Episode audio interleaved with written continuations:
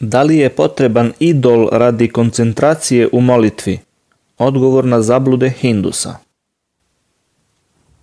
Odlomak iz knjige Odgovori na zablude o islamu. Dr. Zakir Naik. Odgovor na zablude Hindusa. Zabluda. Idol je potreban radi koncentracije u molitvi. Hindu učenjaci se slažu da vede i druge svete knjige Hindusa zabranjuju idolopoklonstvo. Ali, pošto ljudski um ne može odmah da se koncentriše na molitvu, poželjno je imati nekog kipa za molitvu. Nakon što um dostigne određeni nivo koncentracije, kip više nije potreban. Koncentracija kod muslimana Muslimani su dostigli najviši nivo prednosti u molitvi. Ukoliko je za punu predanost uma u obožavanju Boga neophodan kip, onda smo mi muslimani već dostigli najviši nivo obožavanja, pošto obožavamo uzvišenog Boga, a nije nam potreban nikakav posrednik niti kip. Deca pitaju zašto grmi. Dok sam razgovarao sa Svamijem u islamskoj istraživačkoj organizaciji, rekao mi je. Deca nas pitaju zašto se na nebu čuje grmljavina, a mi odgovaramo vaša baka nešto škripi po nebeskom podu. To je zato što su deca previše mala da bi to razumela. Isto tako, u početnoj fazi koncentracije ljudima je potreban kip idol. Mi u islamu ne verujemo u laž, makar bila laž iz nužde. Ja svom detetu nikada ne bih rekao takvu laž. Kada pođe u školu i kada mu učitelj objasni da grmljavina nastaje zbog širenja prebrzo zagrejanog vazduha, dete će prvo pomisliti da ga učitelj laže, a kasnije, kada se uveri da je to istina, oca će da smatra lažovom.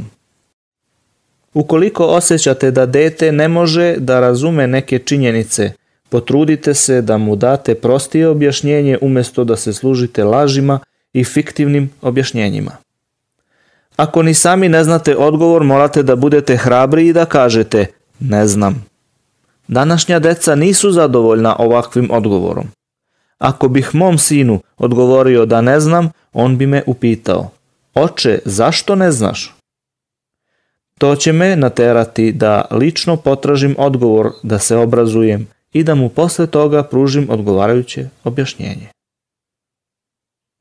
2 plus 2 jednako 4 Neki punditi dok pokušavaju da me ubede u ispravnost idolopoklonstva kažu Hindusima početnicima se preporučuje da koncentraciju izgrade tako što će da se mole Bogu obraćajući se nekom od kipova.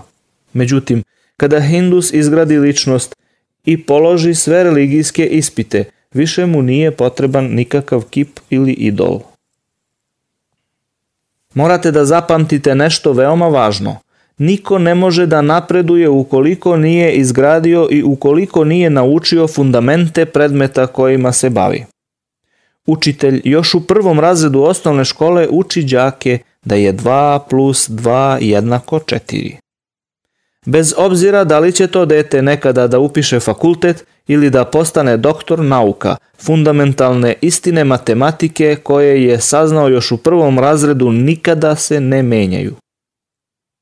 Možda će na fakultetu da proučava algebru, trigonometriju i algoritme, ali osnove sabiranja niko ne može da ospori.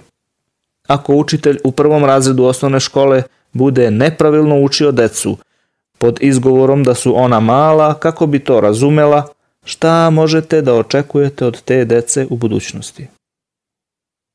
Fundamentalna činjenica koja se kroz vede proteže u vezi sa Boga glasi Ne možeš da zamisliš sliku Boga, ništa mu nije slično.